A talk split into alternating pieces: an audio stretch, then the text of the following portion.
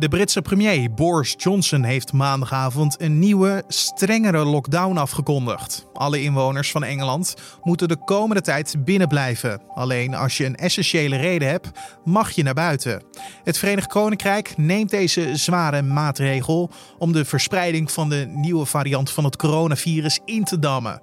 In hoeverre hebben de Britten nog grip op deze situatie? Dit wordt het nieuws. De onmiddellijke reden voor het weer op slot gaan van het land is omdat de medische regionale directeuren alle vier tegen Boris Johnson gezegd hebben: als je nu het land niet dicht doet, dan betekent dat dat binnen drie weken de gezondheidszorg het niet meer aan kan overweldigd wordt. Lia van Beckhoven, correspondent in het Verenigd Koninkrijk, vertelt je straks alles over de derde nationale lockdown die vandaag is ingegaan. Maar voordat we het daarover gaan hebben, eerst kort het belangrijkste nieuws van nu. Mijn naam is Carne van der Brink. Het is vandaag dinsdag 5 januari en je luistert naar de Dit wordt het nieuws middagpodcast. Het RIVM heeft in de afgelopen week ruim 55.000 positieve coronatests geregistreerd. Dat is ruim 10.000 minder dan een week eerder. Wel werd er afgelopen week beduidend minder getest dan de week ervoor, waardoor volgens het RIVM in de cijfers nog geen overtuigende daling zichtbaar is. Het aantal ziekenhuisopnames daalde ten opzichte van de voorgaande week ook miniem. En bij de IC-opnames was een kleine stijging te zien. Verder meldt het RIVM dat de corona-gerelateerde sterfgevallen ook stegen in een week tijd. De Tweede Kamer heeft forse kritiek op de volgens hen zwabberende vaccinatiestrategie van het kabinet. Volgens de oppositiepartijen heeft coronaminister Hugo de Jonge gefaald. De roep om meer betrokkenheid van premier Rutte bij de corona-aanpak klinkt ook steeds luider. De Tweede Kamer debatteert vandaag met premier Rutte, minister De Jonge en minister Tamara van Ark van Medische Zorg over de problemen met de vaccinatieaanpak van het kabinet. Nederland begint woensdag als laatste EU-land met het zetten van de eerste prik. En de volgorde waarin groepen aan de beurt komen is in de afgelopen weken meermaals veranderd. Het netto loon valt dit jaar voor veel werknemers enkele tientjes per maand hoger uit. Dat meldt HR en salarisdienstverlener ADP op basis van eigen berekeningen. Vooral personeel in de bouw kan een hoger loon verwachten. Gepensioneerden zien hun aanvullende pensioen juist wat dalen. ADP berekent aan het begin van elk jaar de gevolgen van nieuwe regels op het gebied van lonen, uitkeringen, pensioenen en belastingen voor de maandelijkse inkomsten van werknemers en mensen met een uitkering. De politie heeft vorig jaar ruim 120.000 kilo illegaal vuurwerk in beslag genomen. Dat is een verdubbeling ten opzichte van een jaar eerder. Dat blijkt vandaag uit de Vuurwerkbarometer 2020 van het Openbaar Ministerie. De grootste vangst van het jaar dateert uit september. Toen spoorde de politie Noord-Nederland in samenwerking met collega's in Duitsland een partij van meer dan 50.000 kilo op. Het vuurwerk was vermoedelijk afkomstig uit Duitsland en bestemd voor de Nederlandse markt. De vondst had een waarde van 750.000 euro. Het was een zware ochtend vandaag voor de Britten. Zij werden wakker en waren beland in de derde nationale lockdown. De reden de snelle verspreiding van de nieuwe variant van het coronavirus.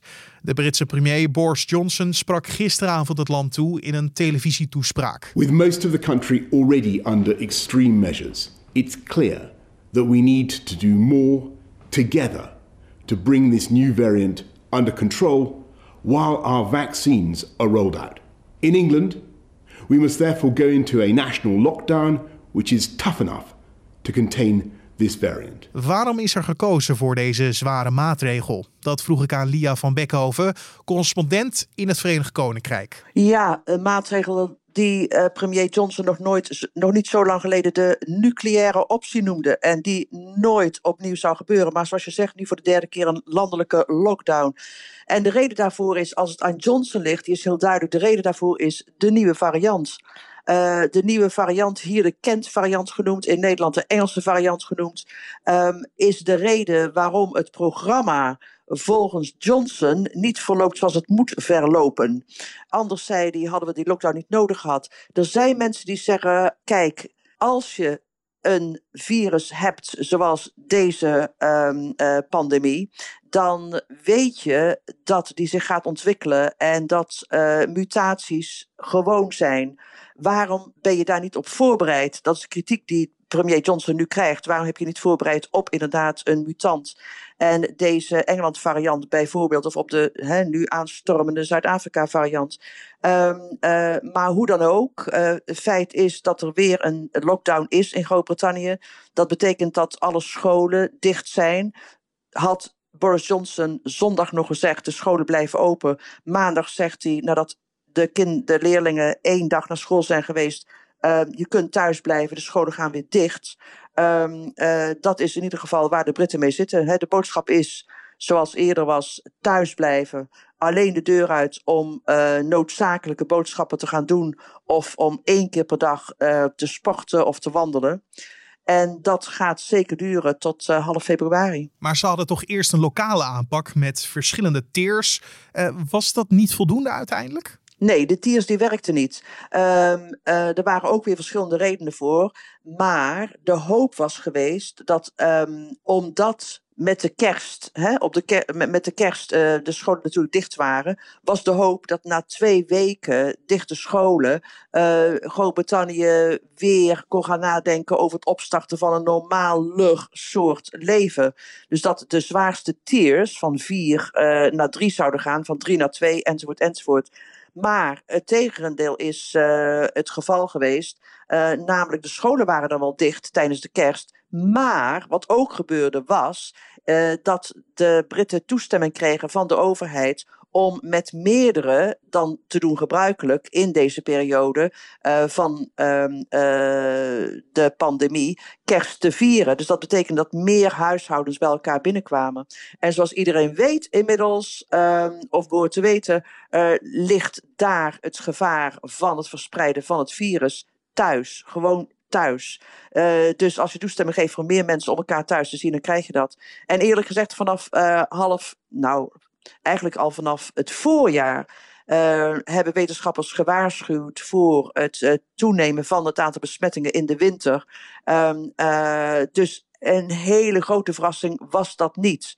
Feit is dat ja, er toch vaak te aarzel, geaarzeld wordt. Kijk, niemand, geen enkele regeringsleider, geen enkel land uh, weet natuurlijk precies hoe om te gaan uh, met dit um, virus. Er is geen scenario voor. Uh, en ik denk om culturele redenen zijn wij niet geneigd om te kijken naar landen waar het wel goed gaat, omdat die in Azië liggen. Maar uh, feit is dat de situatie in Groot-Brittannië sinds maart niet zo erg is. En dat het de komende weken nog erger gaat worden. Maar welk sentiment hangt er dan nu in het VK? Hetzelfde sentiment als uh, de, de reden waarom de allereerste lockdown werd afgekondigd. Namelijk het beschermen van de nationale gezondheidszorg. Het gaat niet om het uitgroeien van de ziekte, daar gaat het niet om. Het gaat om het afremmen van de toename, van de groei van het virus. En om daarmee dus de nationale gezondheidszorg te redden. En hoe kijken ze dan naar de overheid?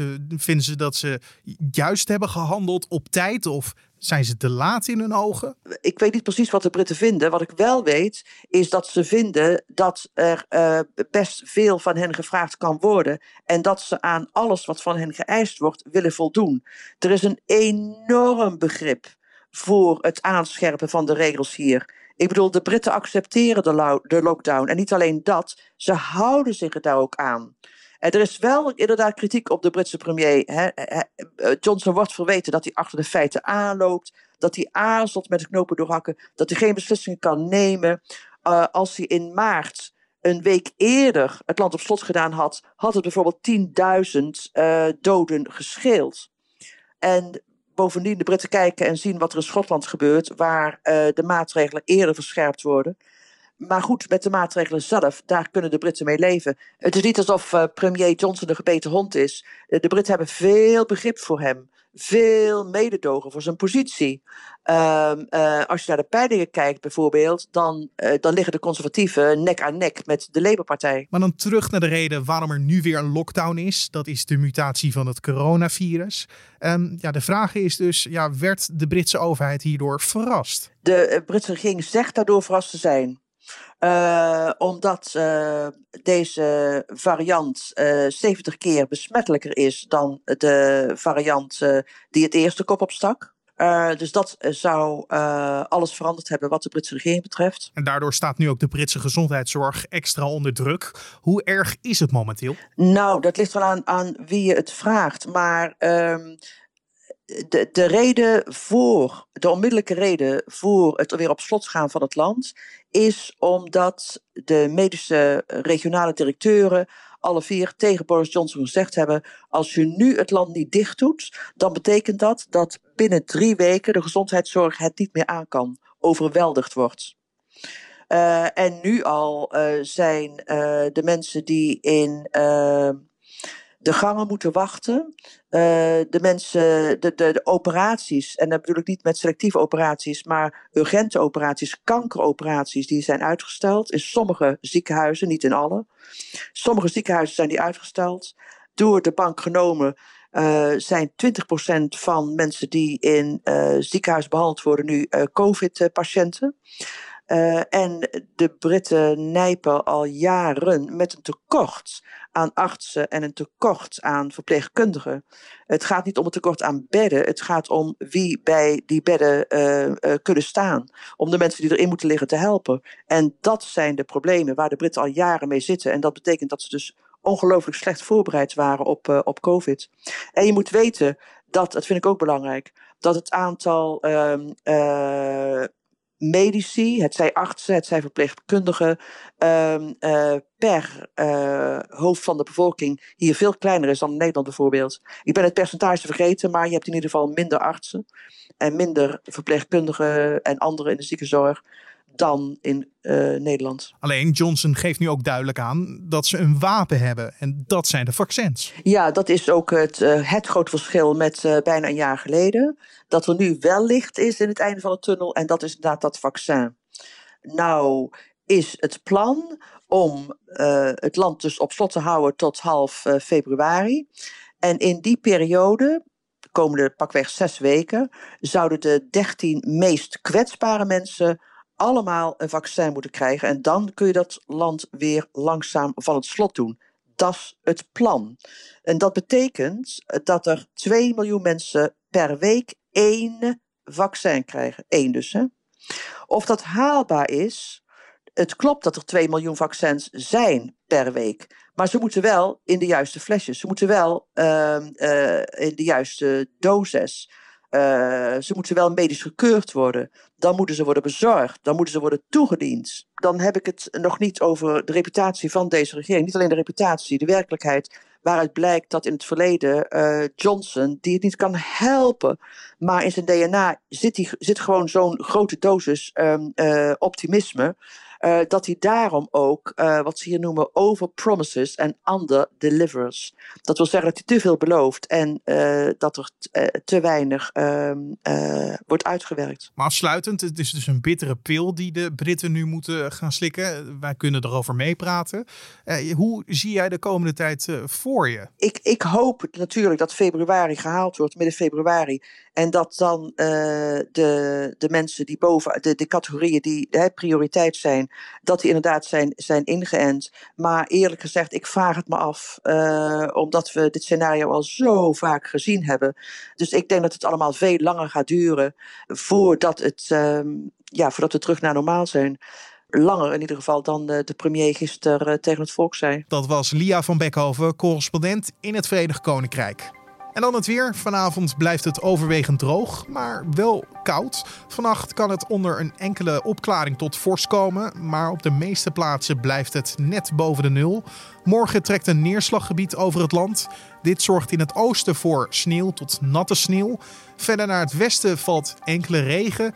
Met een maxima tussen de 1 en 3 graden blijft het wel vrij koud. En om af te sluiten nog even dit. De politie en zwaailichten. Het is een vertrouwd concept. Maar zal dat ook gaan gelden voor agenten op de fiets? De politie is namelijk in zes regio's begonnen met het testen van blauwe zwaailichten op de tweewieler. De proef duurt vier maanden en loopt bij de teams in de regio Stilburg-Breda, Amsterdam, Groningen, Zoetermeer en Bokstel.